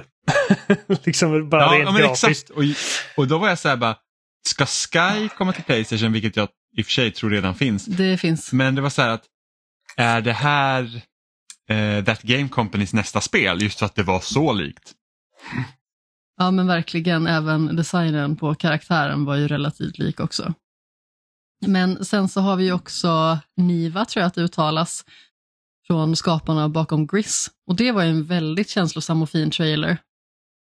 Jag tror Ja, att, oh. eh, Det är också kanske svårt att eh, nå upp till föregångaren. Alltså jag tyckte Gris var ett bra spel. Det var liksom inget spel som jag kände så här sopade mattan med konkurrensen på något sätt. Men det var ett väldigt vackert spel. Ja, men reveal-trailern av Gris var också liksom top notch Ja, när de visade det första gången. Det var ju Eh, rysningar längs hela Just med benen. tanke på hur spelet såg ut men också musiken till det. Ja, absolut. Jag håller med till fullo. Men det känns ändå som att det här kan bli en ganska så känslosam resa. Man får ju se ganska mycket i trailern redan då. Man har med sig några form av eh, vargliknande rörelser, eller rörelser, varelser, eh, som eh, Det växer träd skallen av på dem... Ja, ja, men precis. Det är någon form av horn. Liksom. Och eh, varav en av de här eh, stryker med i någon form av attack. Det var ändå väldigt hemskt att se, tyckte jag. Så vi får se vad som händer med den. Och sen så har vi det här eh, The Plucky Squire Ja. som eh, Det ser så bra ut. också ser väldigt mysigt ut. Någon Ja, form det- av det ser jätte- berättelseliknande sagobok. Alltså det är typ low key den stora stjärnan i hela showcasen känner jag typ. The Plucky Squire. Är alltså, Jag tror att det som eh, högg tag i mig starkast ändå, som gjorde mig mest intresserad, var nog eh, Revenant Hill. Som är från samma skapare som eh, Night in the Woods. Man Ja. såg verkligen så himla tydligt att det är liksom samma estetik på Ja, de verkligen. här djurvarelserna. Liksom. Jag vet Och Night inte... in the Woods är ju verkligen alltså, skitbra. Jag har inte koll på utvecklarna av det spelet, men jag sa det i den här trailern. Bara, ifall, ifall det, om inte detta är liksom skaparna av Night in the Woods så är det en lawsuit incoming. har, har du spelat Night in the Woods? Mm, nej, det har jag inte. Det, jag vet inte om du hade uppskattat, jag tror att du hade kunnat uppskatta det. Det, det är i alla fall ett väldigt bra spel. Jag tror att du hade uppskattat manuset, Ja, men att det, det kanske var lite för Mm. segt. Ja, men det är liksom, alltså man är ju den här eh, katten May då som liksom, hon, hon kommer från en småstad, hon har varit iväg på college och kommer tillbaka och hon liksom har ju så här förutfattade meningar om hur det är folk som har bott kvar i stan, liksom, de utvecklas inte och liksom har inte, men man kommer liksom ingenstans i sina liv och så kommer hon liksom typ från då, storstaden tillbaka liksom för att, ja, li, li, lite smått misslyckad också för att hon, hon har liksom hoppat av college och sånt, men liksom ändå känner så att oj, folk som har bott kvar här, de har inte förändrats för alltid typ samma sak och sen så går man igenom den här resan liksom att det är inte så det är och att folk är kvar av olika anledningar och att det kanske inte är dåligt ens att bo i en småstad. Och, sen, och det går ju väldigt mycket så här, amerikansk politik också, liksom så här, vad händer med småstäder när folk liksom flyttar mer och mer till de större städerna. Och, ja, det, det är liksom arbetarrörelse och allting sånt så att det, det, det är ett jätte, jättebra spel. Eh, och så får man bygga liksom relationer med, med, sina, med liksom karaktärerna själv och man väljer själv liksom, liksom vilka man vill umgås med och spendera tid med. Och så. Ja, men precis. Och man känner ju väldigt mycket av den här, så här småstadsbitterheten. Och jag tycker liksom att de har jobbat väldigt bra med nyanserna i det och hur det framhävs av de olika karaktärerna beroende på vem man umgås med. Mm. Eh, jag vill prata lite om, ifall vi är färdiga med, vad heter det? Um, inte Night in the Revenant Woods, Revenant Hill. Um, så vi har pratat lite om Marathon. Ja, eh, innan vi hoppar in på Marathon också, för att det är ju en, en grej som, som Sony har sagt att de vill göra mer av, det är ju liksom hamna in i det här live service-segmentet. Mm. Eh, och att vi vet att till typ 2026 eller vad det är så ska det komma ut x antal live service-titlar eh, med allt vad det innebär. Och där är ju någonting som lite går typ så här stick i stäv med hur man har liksom sett Sony tidigare för att de är väldigt högt profilerade på single player-upplevelser. Eh, och nu om de ska ge sig in i live service, det är också det här som är kul också, man känner liksom att det här showcaset kändes väldigt typ mycket som Xbox. Och jag tror att den här liksom inriktningen också väldigt mycket Xbox och som Xbox var typ ja, men i början av 10-talet. Liksom så mm. okej okay, med multiplayer, man börjar liksom fronta det mer. Eh, och, ja, ja. och då har vi då, det visas upp x antal liksom live service-titlar. Jag är väldigt nyfiken på hur, hur liksom konsolmarknaden ser ut om typ 15 år när alla de här live service-satsningarna har liksom eh, eller alla, men liksom när live service är en stor del av deras liksom eh, portfolio. Um, för att eh, alltså de, de, har på liksom market share på konsolmarknaden är 45% för Sony. De, alltså de dominerar verkligen. Och, ja, jag tror säljs, för, för varje Playstation 5 som säljs så är det, går det en Xbox. Eller jag menar, eh, det går en Xbox på fyra Playstation. Ja. Så skulle jag säga. Ja. Eh, alltså, vilket är det, ju eh, otroligt. Det, liksom, ingenting pekar på att det är liksom på väg att, att sakta ner för dem. Det, det går så jävla bra för Playstation. Och nu då, för att jag läste någonstans att, eh, och jag har inte de exakta siffrorna, men jag läste någonstans att Sony lägger nu mer resurser och pengar på, på utveckling av live service-spel än single player-spel. Mm. Och det är liksom en stor shift för dem. Och eh, jag funderar verkligen på liksom ifall massa olika multiplayer-spel som är liksom byggda för att för att liksom hållas vid liv i flera år. Om det är vad Sonys kärnkonsument är intresserad av. Och hur kommer den här liksom market sharen se, se ut när allt detta har liksom unravelats? Um, att majoriteten av de spelen vi såg som är live service-spel uh, under showcaset kommer inte, alltså de flesta av dem kommer vara nedlagda inom några år. Ja men förmodligen. Alltså, alltså typ, typ ta det här Foam Stars liksom. Ja, precis. Jag, jag tror att det är dött och begravet efter ett halvår. Det är typ Splatoon rip-off. Uh... Ja precis, som såg betydligt mycket tråkigare ut. Ja. Liksom rent visuellt. Eh, jag tror att det spelet som har störst chans att klara sig då är ju Marathon för att det är Bungie. Bungie ja. Och det, det är liksom... Det... När Sony köpte Bungie så köpte de inte bara Destiny, de köpte expertisen mm. i live service. Eh, och hur det fungerar. För att de, de, de är väl typ förmodligen den studio som är bäst i världen på, på detta just nu. Och eh, det, det har typ varit en... Ja, ja, men de är liksom de är där uppe i alla fall. Och, ja, absolut. Särskilt när det kommer till liksom en, en, en enskild utvecklare. Liksom. De är ingen stor publisher som typ Activision, Blizzard. Um, och de, de har haft sina liksom growing pains och när Destiny släpptes så var det mycket liksom, alltså det, det har jävligt mycket arbete för att ta liksom Vanilla Destiny till vad Destiny är idag. Och att upprätthålla den publiken. Så att, eh... Ja, de har väl ändå fortfarande alltid problem med Destiny. Alltså jag tycker alltid man hör typ på andra podcasts när de pratar om Destiny, det är alltid någonting som skaver. Ja, jo, men de men... lyckas ju ändå hålla någon form av publik. Precis, och det, det är ett massivt arbete att liksom upprätthålla en sån här grej. Eh, under liksom tio år som de snart har gjort då. Och eh, det läste jag också att eh, Bungie i princip är instrumentala för att de eh, de eh, hjälper Sony att liksom evaluata alla deras live service-satsningar. De bara såg Last of Us bara... Precis, och, och, det var liksom en Bloomberg-artikel om att eh, Last of Us Factions har ju liksom eh, bli, eh, blivit signific significantly eh, liksom ska man säga, ska, nedskalat. Ja. Och förmodligen då till följd av liksom feedback från Bungie liksom som har sett det här och bara ja. Jag vet inte om det här håller. Men det kan ju också, men det kan också vara en sån här grej att okej, okay, men det här ni vill göra med Factions. Kommer ni ha resurser till att upprätthålla det som ni tänker göra ja, här? i 15 Eller liksom, år. precis, eftersom det är också så här att ni vill ju säkert inte bara göra multiplayer-spel. Liksom, eller ni vill inte bara hålla på med det här multiplayer-spelet x antal år framåt utan ni vill liksom hoppa och göra det som ni gör bäst, single player-upplevelser till exempel. Precis. Det, och spekulation.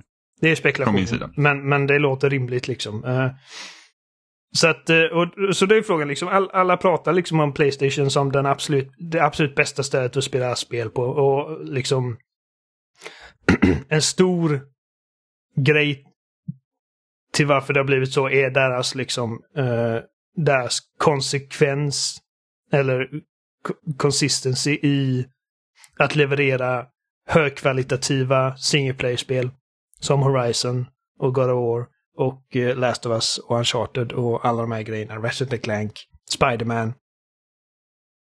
När man inte längre liksom satsar på det om, när inte det längre är den största prioriteten, för att uppenbarligen är det ju inte det. Ifall de satsar mer på live service-spel just nu än single player-spel så är inte det prioriteten längre. Och hur kommer, hur kommer folk känna om det? Över det, liksom. Mm. Så att, eh, det ska bli Ja. jävligt intressant hur, hur, att se hur det utvecklas liksom. Och, och, och ifall Microsoft liksom ser detta och bara holy shit. Vi måste göra de bästa single player-spelen så har vi liksom kommit, i- kommit ikapp. Ja, exakt. Alltså det är ju no alltså, det är ju någonting som skulle kunna hända. För man tänker liksom så här att Playstation känns jättestarka just nu. Men så tänk på att när Playstation gick in till Playstation 3, alltså när Sony gick in till Playstation 3, Mm. då kom de från sin, alltså den bäst säljande konsolen någonsin. Mm. Och hur mycket andelar Microsoft tog därifrån. Men samtidigt, det betyder också att Microsoft måste få ordning på sin jävla skit. Ja, de kan inte bara släppa Redfalls. Liksom. Nej, eh, och, liksom, och det kan inte vara typ att det kommer ett stort single play-spel var femte år. Nej.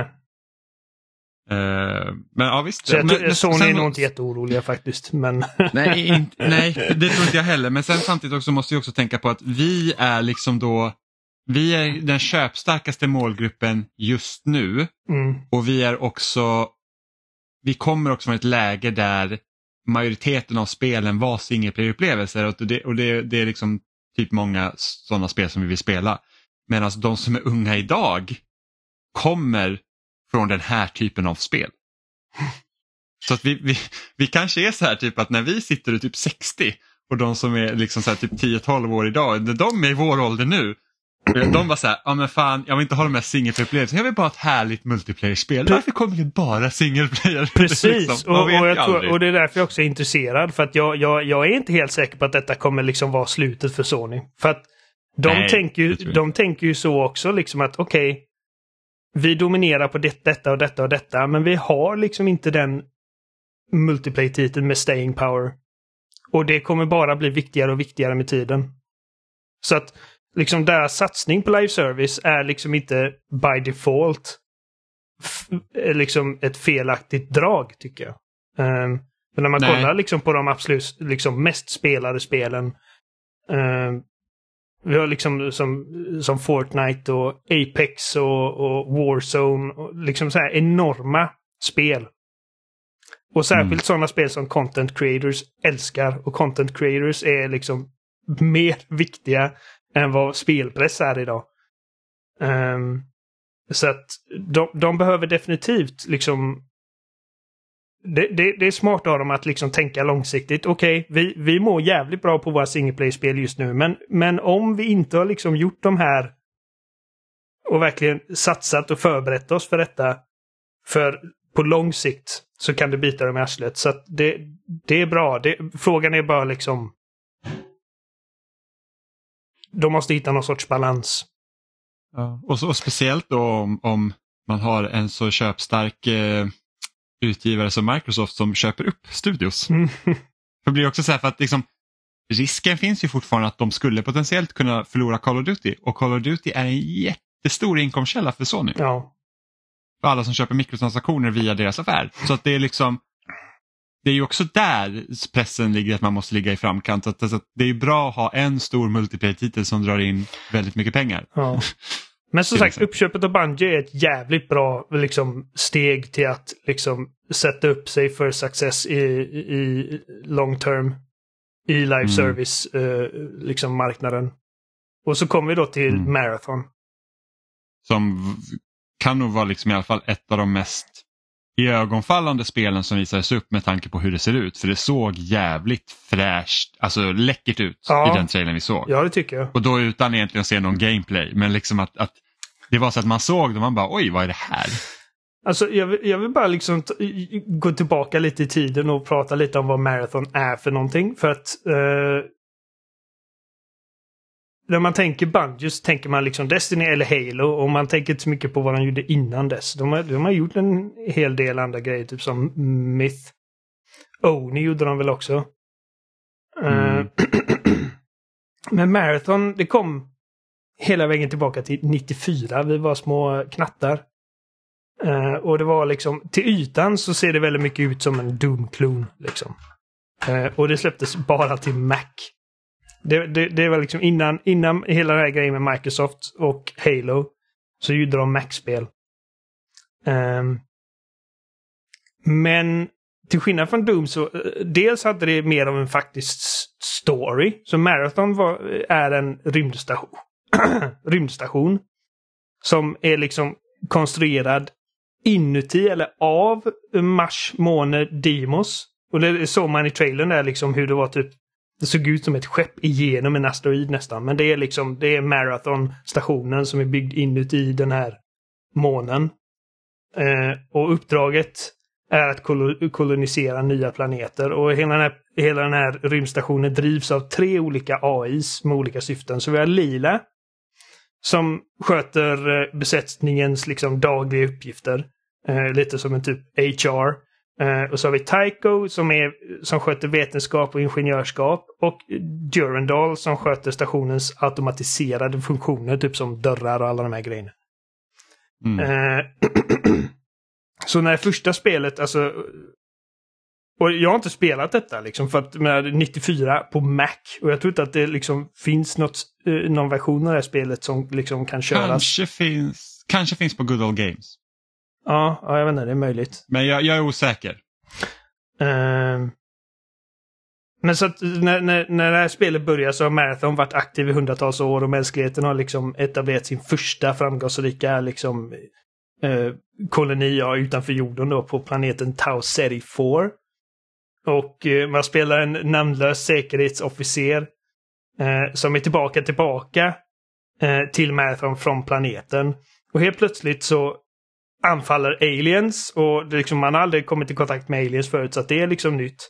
Och man, har, man får reda på att AI Durandal har gått rogue, blivit självtänkande och varit i kontakt med de här aliensen. Och det är en ras av aliens som tvingas att slåss av andra aliens. Alltså det är väldigt utstuderat. Mm. Och det, det hade mer liksom invecklad och vertikal bandesign med fritt sikte. Än eh, till skillnad från Doom. Och det hade liksom friendly NPCs. Eh, det var mer tanke bakom spelets olika system och liksom med mer worldbuilding i åtanke. Liksom, eh, typ istället för att bara hitta random healthbacks så har man laddningsstationer som laddar din sköld. Eh, för att spara spelet måste man hitta en så kallad pattern buffer. Som gör en bokstavlig kopia av det, liksom en backup av din karaktär som sen tar över när du dör. Eh, du behöver kolla på syre på vissa banor när det inte finns luft och det finns banor med låg gravitation.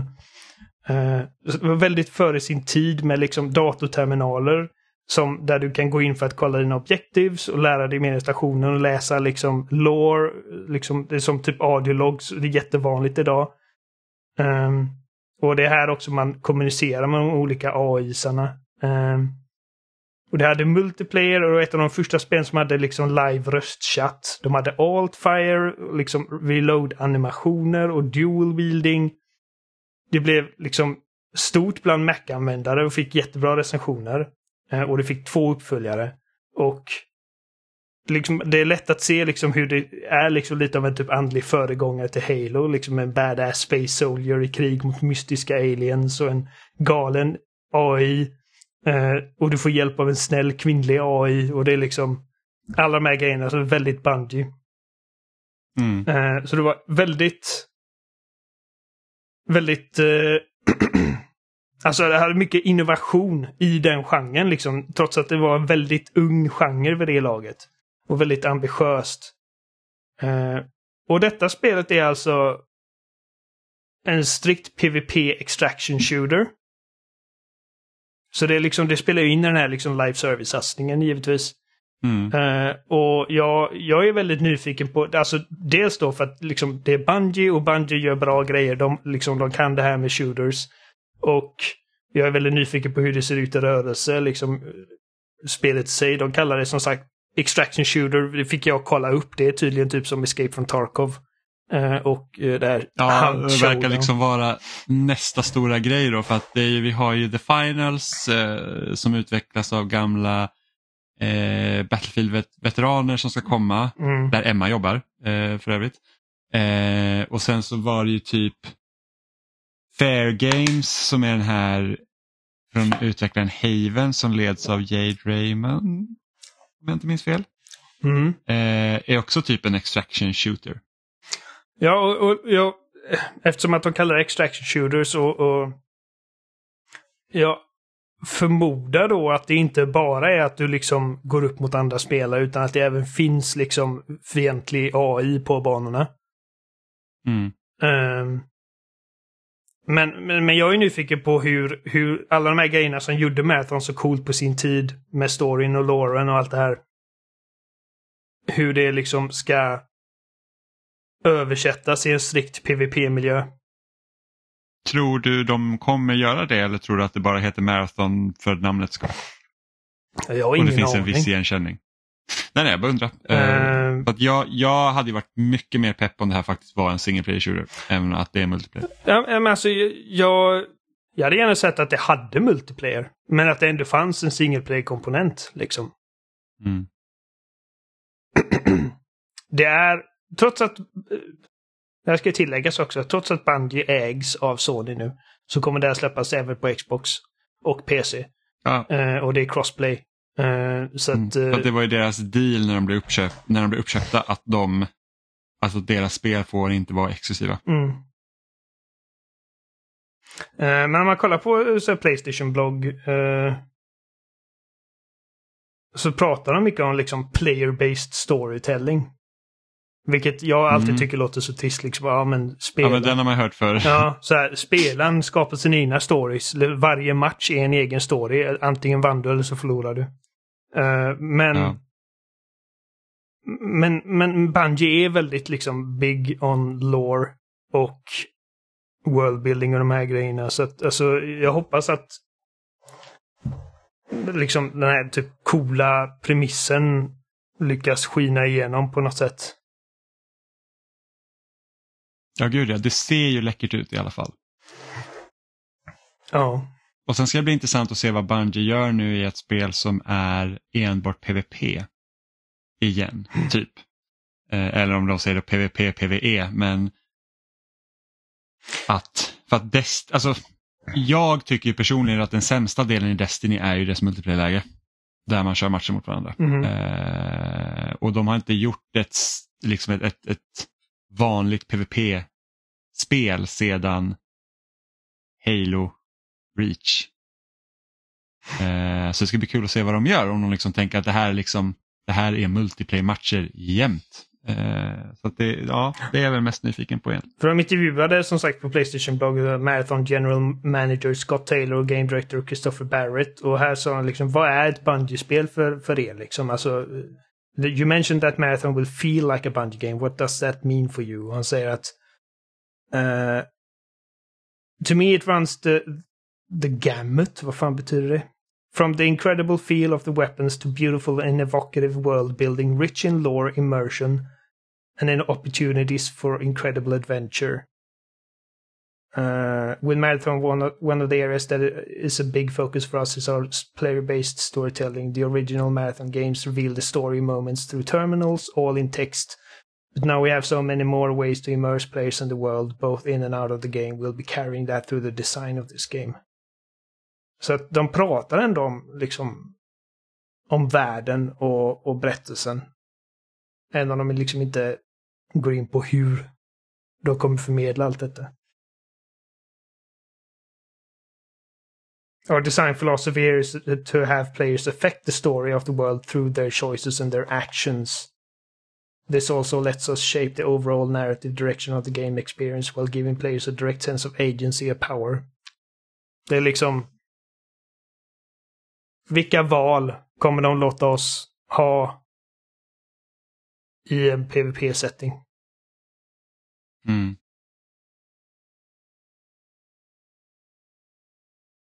Ja, det finns massa Mm, information. men det ska bli kul att på- få veta mer om det. Ja. Ehm, har vi kommit till delen där vi bara pratar om våra tankar om Spiderman? Var det något annat?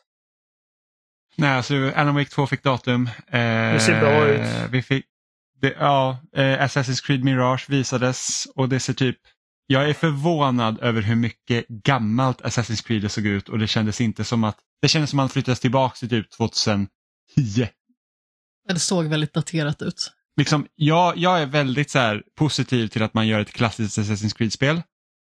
Jag hade inte tänkt att det skulle se ut väldigt mycket som klassiskt Assassin's Creed redan liksom bara titta på det. Ja, Jag, jag får säga, jag tyckte att det såg spännande ut. Eh, eh, Bara okej, åh, ett Assassin's Creed-spel som ser ut som ett Assassin's Creed-spel. Ja, Liksom. Jo, precis. Det är också det positiva, men samtidigt så här att det har gått typ, jag vet inte, alltså snart tio år sedan vi fick ett sånt spel. Och det var liksom bara så att det ser typ ut exakt som jag minns det. liksom. Så att ja, det, det var bara det, men liksom så här att jag var så förvånad över att liksom man kände inte så att det här var nästa grej för den här typen av Assassin's Creed, utan det kändes väldigt mycket så här business as usual. Av, av att bara ha sett det då. Ja, Phantom Blade Zero visades upp. eh, som tydligen är ett existerande IP som jag inte har hört talas om. Men det såg jävligt Ja, coolt var det- ut med eh, alltså det superdetaljerade animationer. eh, när de slåss med svärden och han liksom typ parerar alla, alla de här skitsnabba slagen och jag bara, det här ser knappt verkligt ut. Mm. Eh, det håller jag ögonen på. Vi fick se Dragon's Dogma 2 Dragon's. Dogma 2, det ser ut som Dragon's Vilket- Dogma. Ja, jag hoppas det är riktigt, eh, jag hoppas att de gör det till ett multiplayer, alltså att man kan spela co-op. Men, men jag antar att det PAN-systemet kommer att komma tillbaka. Förmodligen.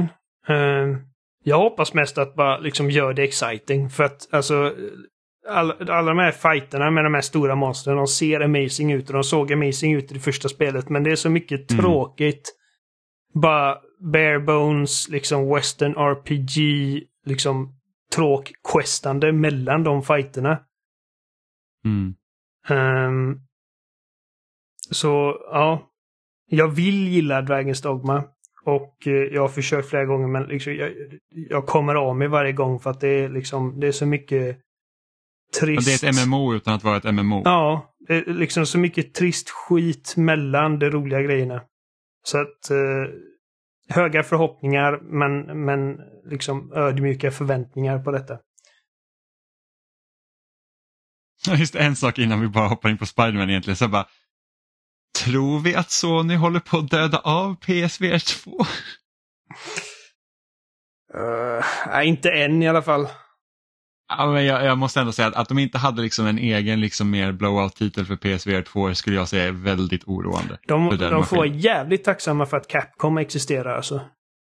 Ja, ja men precis. Just 94 VR såg ju liksom nice ut men samtidigt det har man spelat redan. Ja, alltså, jo. Man spelar spelet redan. Men sen liksom typ så här, här har vi typ tre olika shooters i VR som det är liksom, är det här ni tänker att man ska spela VR? Liksom? Men jag tyckte Synapse Det- såg rätt coolt ut. Eh, Det såg coolt ut ja. Skulle du springa ut och köpa ett VR-headset när du ser det? Nej, nej, nej, nej. Men det är en sån grej nu när jag har ett VR-headset. Ja, så men du kan har jag det kolla redan. in det. Ehm, jag tror att alltså, de nämnde att eh, PSVR 2 har sålt snabbare än det första. Eh, så att, och jag tror att den här, jag tror det var Bloomberg som gjorde rapporten om att de hade sålt 200 000 exemplar, vilket inte är särskilt mycket. Ja men det, ja, men det är Eh, att de har sålt 600 000, 600 000, på, var det, ja. var det sex, på sex veckor? Ja, så att det är jag inte Bloombergs riktigt så... rapportering var lite kortare. Och, och sen är det också att det har, du har inte kunnat köpa headsetet någon annanstans ifrån än från Sony i många länder. Nej. Eh, vilket gör att det har varit svårt att få tag på. Men jag skulle ändå säga att det är oroande att vi inte ser några liksom stora högprofilerade titlar från Sony själva än. Jo, precis. Jag håller med. Och jag tror att jag hade varit mer orolig om, om, om det inte var så att de också liksom bekräftar att den har sålt bättre än förra och att det är ändå liksom en väldigt dyr eh, liksom piece of technology under en liksom lågkonjunktur så att, att den har sålt 600 000. Det är ju fortfarande inte liksom några enorma siffror men det är bättre än vad det såg ut att vara från första början. Så att Ja. eh, tanke, liksom, bara det att de inte visar liksom en egen så här banger till det säger mig inte så mycket eftersom att de visade typ inga egna bangers. Nej, nej, precis. Men jag, jag känner ändå så här att när ska de börja sälja in VR? Mm, ja, nej, jag vet inte. Jag, det, Det är den. jag, jag är lite, jag lite liksom så här- orolig. ja. Arizona Sunshine 2, liksom, not doing it for me. Nej. Nej, verkligen inte. Det Liksom såg jättepajigt ut. ja, det är liksom så här, wow, Beat Saber, nice. Men det har jag redan spelat. Ja, det hade inte jag. Nej, men liksom, det, det är liksom, det, det är ett gammalt spel. Det, Jo, jag vet. Men det gjorde mig ändå glad när jag såg att det var dags äntligen. Men, eh, ja, men Spiderman då? Vad, hur, Det ser bra hur ut går va? tankarna? Vad är det? Ehm, Och det var allt jag hade för den här veckan. mm. nej, nej, men det ser bra ut. Alltså, vi- vi- vi förväntar oss inte så mycket annat va? Amanda, du har varit Nej. tyst en liten stund. Vad, vad känner du? Nej, men alltså det ser ju ut precis som Spider-Man ska se ut. Så som vi minns det i alla fall de- från de två spel, eh, senaste spelen.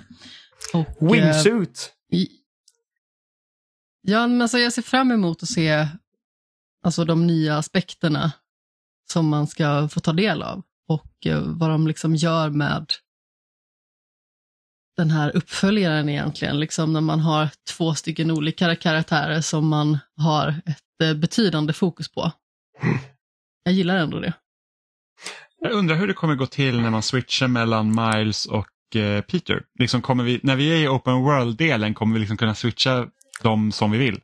Kommer de ha olika uppdrag knutna till sig? Liksom att säga att ja, men nu spelar som Miles och då har man ett sätt av huvuduppdrag man kan köra med honom och sen så switchar man över till Peter så kanske man måste komma ikapp eller någonting sånt. Eller hur, jag undrar hur det kommer gå till. Jag med. Jag, jag kan se det gå åt båda håll, ärligt talat. Ja, Ehm, precis att ni säger att nu spelar du Peter och sen så kommer man fram till en punkt i storyn och nu spelar du Miles. Ja. Så du, det kanske liksom inte är så fritt byte förrän typ efter man har klarat spelet. Då. Nej, men precis, om vi tar första spelet så fanns det ju vissa segment där man liksom bytte in då andra karaktärer än Peter. Och där var det liksom vid vissa då specifika punkter som man fick då ett uppdrag med de andra karaktärerna där man liksom inte kunde ta sig ur det. mm. Till exempel det här inte jättespännande med MJ som jag liksom har kritiserat spelet för tidigare, att jag tyckte att det liksom blir för trögt och passar liksom inte resten. Sen har jag väl för mig att man får spela lite som Miles redan i första spelet. ja, det får man. Mm. Och där har man liksom också ett litet segment där det då inte är valbart att hoppa ur. Så jag har ju en känsla av att de kanske kommer att göra någonting liknande när det gäller huvuduppdraget, att när du har färdigställt den här delen av huvuduppdrag, då byter du automatiskt till den andra karaktären. Sen så skulle det kunna vara så att när du liksom är icke bunden till huvuduppdrag för tillfället, så kanske du kommer kunna byta i den öppna världen. Det hade inte varit helt främmande känner jag. Nej, det är möjligt. Jag känner bara att det, det lika gärna kan vara liksom att du, du, du har en Spiderman som du är liksom i free roam. Och jag kan tänka mig att det kanske är en sån grej liksom att du börjar som att Peter är liksom din primära Spiderman utanför uppdrag först. Och sen med den här liksom blacksuiten att han liksom blir helt korrumperad och då byter över till Miles. Så här halvvägs igenom kanske. Ehm, det, finns massa olika sätt att, att göra det på. Liksom, de gånger man byter i demon vi såg här nu så var det ju liksom väldigt specifika Och då punkter. var det liksom, ah, men då är det väldigt cinematiskt i just det huvuduppdraget. Mm. Men med tanke på att de båda har ju liksom vitt skilda förmågor så tänker jag att du måste ju ha ett sätt att lära dig båda Spidermans innan du liksom hoppar in i specifika punkter också. tänker jag. Mm. Ehm, jag är Eh. väldigt, eller så här, jag kan inte säga att jag är överdrivet förvånad över att eh, Peter hade liksom en symbiot-dräkten. men med tanke på hur det teasades i förra spelet så var det liksom att de experimenterade på Harry med symbioten. Ju. Alltså, Ja, men precis, det ska bli intressant att se hur de väver in det. Mm. min, min teori är ju att eh, Harry till slut blir Venom. Eh, och jag, Ja, men precis. istället för då liksom, för att det makes perfect sense för mig att, att Istället för att ha liksom eh, Eddie Brock som bara är liksom en random typ fotograf som stör sig på Peter och att det är han som är Venom. Att man tar då en karaktär som Peter redan älskar och bryr sig om Mm. och ger honom den rollen istället.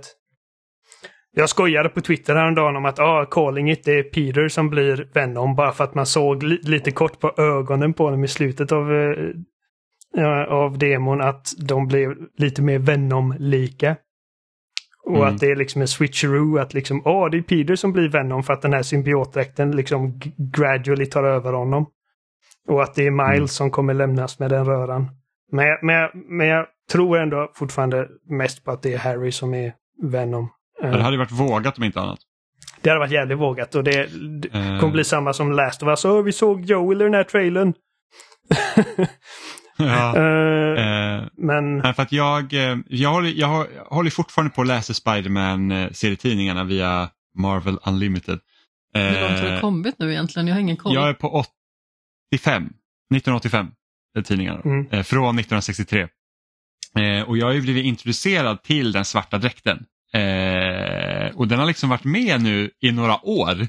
Och Venom har fortfarande inte gjort entré. Så att det är liksom Nej. väldigt slow burn måste jag säga. Eh, den svarta dräkten är ju liksom en av de mest ikoniska liksom eh, moraliska så han- fallen för Peter. Ja men alltså också att han har ju den svarta dräkten i, alltså i år. Alltså den är liksom röda och blåa dräkten den dyker upp under väldigt få tillfällen just nu i serietidningarna där jag är. Mm. Utan det är liksom, Sp- Spiderman är, har en svart dräkt nu. Det är liksom Spiderman. Han har sett ut som den typ 84. Så att, Jag ser fram emot att 83. se Yuri Lowenthal's version av den här konflikten som, som den svarta dräkten symboliserar. Ehm, jag, så, jag såg att du i, i vår gruppchatt skrev Fan vad ful symbiotdräkten är. Ja, Och jag tycker att den ser asbra ut. för att den, den är kläggig och organisk och nasty och jag bara det är så den ska vara väl? För att alltså jag, jag vet. jag störde mig på Ah, liksom i Sam Raimis version liksom att ah, det här klägget kommer på honom och helt plötsligt har han en perfekt liksom ja, vävd Det är, tygdräkt. det, är så, det är så den ser ut i. Okej, men det, I början. det är tre... Det är att han har liksom sin dräkt och den är bara, det ser ut som svart tyg. Så att det är liksom, det är ingen skillnad mot egentligen hans vanliga förutom färgerna då. Det Och att den liksom då, Det är trist tycker jag. jag. Jag gillar att det är liksom, man ser liksom att det är något alien som har kläggat sig fast på honom. Liksom. så, Eh, och jag, jag hoppas ju på massa olika eh, skins till Peter så att man inte behöver se ut som den kläggiga Venom. jag älskar jag det. kan så se lite annorlunda ut. Ja, nej, jag tycker, ja, men det är bara för att jag gillar ju liksom, alltså jag gillar ju bara hur vanlig liksom, dräkten ser ut liksom med tyget och jag vill inte ha en jävla massa tentakler på mig. Och, ja, nej. nej, jag förstår ju det. det. Är en bra tolkning fortfarande att symbolisera vad, vad liksom symbioten är. Ja. Jag tänker när, när den svarta dräkten introducerades i serietidningen Spiderman då, då, då fanns det förmodligen ingen plan för Venom än. Nej. Så det var liksom, nu har han en svart dräkt. Jag alltid, alltså Venom är liksom en fanfavorit. Och jag, alltså det kan ju bara bero på att han ser cool ut. Liksom att han har typ Ja, äckliga tänder och. För att, för att den karaktären har ju liksom inget djup. Överhuvudtaget. vet, alltså nu finns, det, det finns ju Venom-serietidningar. Eh, Okej, ja. Nu, nu sitter jag här och bashar Ven- Venom. Ja. Men, men eh, liksom av, vad jag har sett. Och då är liksom, man kommer liksom eh, säga de här, liksom den tecknade tv-serien och eh, Raimis och även den nya då. Och ehm, jag, bara, alltså, jag är så ointresserad av Eddie Brock. Eh, och det är därför jag, jag hoppas att det är Harry, för att det hade gett den karaktären mer eh, känslomässig relevans. mm. För att det är, liksom, det, det är en kul grej med Spiderman-skurkar, att ofta är de liksom bra folk. Liksom, som av olika anledningar blir liksom monster. Ja, för det undrar jag hur de ska hantera Dr. Connors i, eh, Ja, i, i Spider-Man 2 nu för att han dyker ju upp med jämna mellanrum liksom i serietidningar också liksom som, som skurk emellanåt för att han förlorar kontrollen. mm, Eh, men an, han är ju liksom en av Spidermans, eller av Peters eh, största bundsförvanter. ja. De hjälps ju ofta åt. Eh, och det tycker jag liksom har missats både i The Amazing, ah, jag menar, det har missats i The Amazing Spiderman till exempel, den filmen Mm. eh, som kom. Liksom att Connors var ju där, han var ju som en mentor men han förvandlas ju ändå till som den här skurken som sen hamnar i finkan. Mm. Och det gör han ju inte i serietidningar utan liksom, eller Peter hjälper honom liksom att men okej nu har vi fixat det här, vi har det under kontroll, liksom. du får bara ligga lågt. Eh, så att det, är- det är jag jättenyfiken på hur de kommer göra den för att jag hoppas ju att det liksom finns en relation där mellan Connors och Peter. Ja, det är kul för att uh, Insomniac har skapat liksom, några av mina favoritversioner av de här karaktärerna. Jag tycker att uh, deras Octopus är fantastisk. Ja, Eh, verkligen. och eh, det jag, jag är nyfiken på, liksom, okej, utöver Craven och Connors och Venom, vilka skurkar kommer dyka upp? Kommer vi få se Norman Osborns Goblin? Eh, Mm. För att eh, liksom Octopus var ju liksom inte, han, han, han det slutade med att liksom, i slutändan blev ju han liksom eh, den sista liksom Big Bad skurken i det spelet. Men han var inte med i Mm. något marknadsföring och liksom, vi visste ju att... Nej, det var ju typ Mr Negative som liksom Ja. sattes upp som den här stora skurken. Så jag, jag kan tänka mig liksom att ingen av de här skurkarna vi vet är med i spelet kommer vara den slutgiltiga skurken. Jag hade nästan glömt att Mr Negative existerade. Ja, där ser du. Men han Mm. var ju liksom, han var ju the poster boy för bad guys. Jo, jo eh, men precis. Och 2018. nu när du liksom säger det så vet jag ju vad det var för karaktär. Men han var ju liksom inte jätteminnesvärd. Mm. Ja, Jag har ju kommit till den punkten i, i Spiderman där The Green Goblin är liksom ute ur leken. Harrys version av Green Goblin är ute ur leken och sen har vi ju då Hobgoblin som har liksom spökat runt nu de senaste åren och Hobgoblin är ju liksom, alltså, det är ju en otroligt mycket värre skurk än både Green Goblin och sen Harrys. Värre, menar du sämre eller liksom? Nej, alltså mer brutal. Ja. Alltså verkligen liksom så att, att det är liksom nästa nivå av skurk om man säger så. Mm. Som verkligen liksom bara jäckar Peter för han vet ju inte vem det är. Och liksom så här bara att Green Goblin ska ha varit död. Förvisso Green Goblin hade ihjäl Gwen Stacy vilket liksom Det är en big deal. vilket har varit medföljande, vilket är en jättestor liksom, deal. Men liksom Hobgoblin nystar ju upp allt det där igen, liksom, det, det återkommer och sen så är det liksom så här att alltså riktigt, riktigt brutal i, i, i vad den gör. Kommer de ha ihjäl Mary Jane i det här spelet som en Gwen Stacy stand-in? För de har inte etablerat St- Stacy. Eh, jag vet, jag tror inte Nej, det tror inte jag heller. det. Jag, jag tror inte, eftersom, eftersom eh, Aunt May dog i förra spelet så tror jag inte att de riktigt dödar av någon större karaktär. Men jag hade gärna sett att de introducerar Gwen Stacy i det här spelet. För jag vill ha ett spel med Spider-Gwen. Mm, ja, just det. Ja. Oh how the turntable som MJ hade dött istället. Ja, precis. Det hade varit något. Ja, jag, jag vet faktiskt inte. Det, Nej, nej men jag, Ja, det, det men ser det- bra ut. Och jag, och jag, jag reagerar direkt på dels när man använder typ två master för att liksom eh, katapulta iväg sig. Vilket jag gillar sånt. Liksom bra starters för, för traversal. Eh, och sen när han tog ut eh, wingsuiten, eller ja, de här små liksom vingarna han har för att glida fram genom stan. Det kommer göra liksom allt, allt att ta sig runt ännu roligare. Det var som, alltså jag, jag och det går mycket upp, fortare också. Ja, jag har öppnat upp det spelet så många gånger och bara svingat runt i en kvart. Liksom. För jag tycker att Mm. movement är så roligt i det spelet. Eh, så Mm. alla de här grejerna de gör för att ytterligare liksom stärka det, det är väldigt spännande. Ja, jag vill ju spela ut båda Spiderman-spelen innan det här släpps. Eh, Så att jag får liksom vänja mig vid, vid nya Peters ansikte. Ja, det hinner du. För att jag har ju bara spel. Jag, har ju bara, ja, jag vet, ja, men det, det kommer också så mycket spel nu så att jag är lite stressad över det.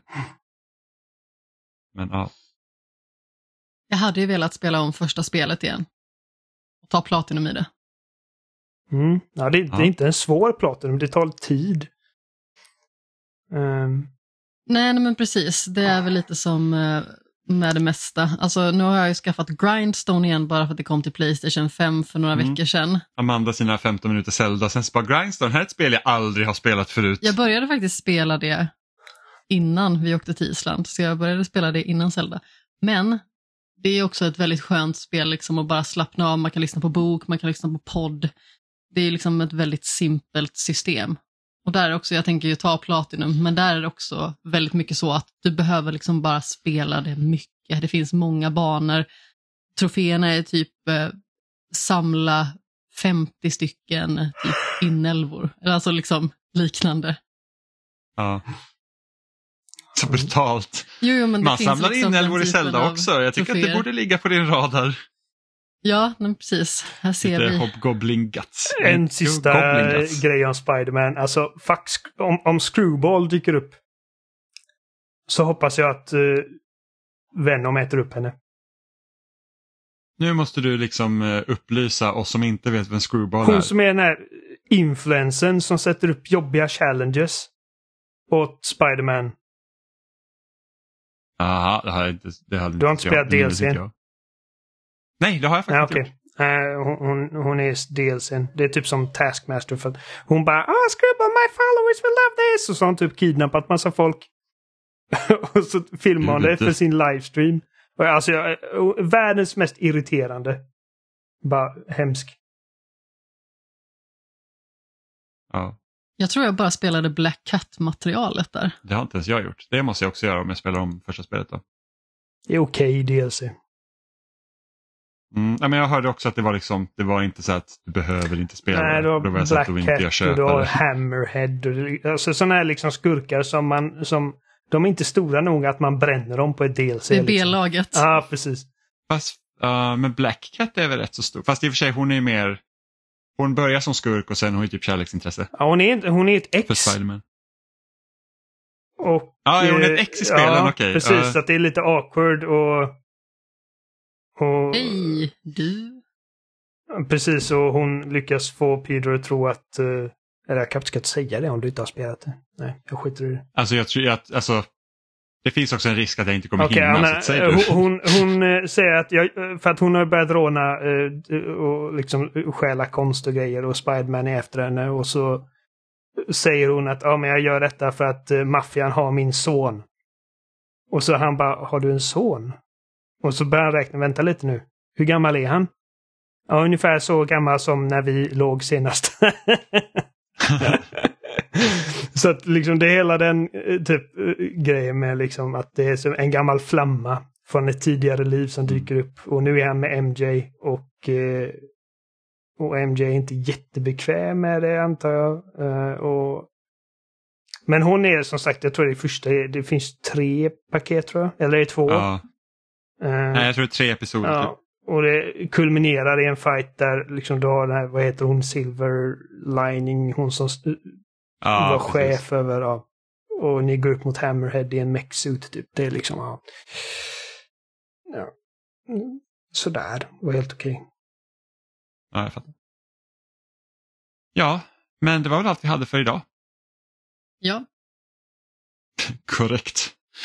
Eh, ni hittar oss som vanligt på svensson.com och där finns också alla länkar till ställen vi finns som Instagram, Facebook, Youtube. Vi finns i din favoritpodcastspelare som Spotify, Apple, Cod, Apple Podcast Codpast. och RSS-flöden.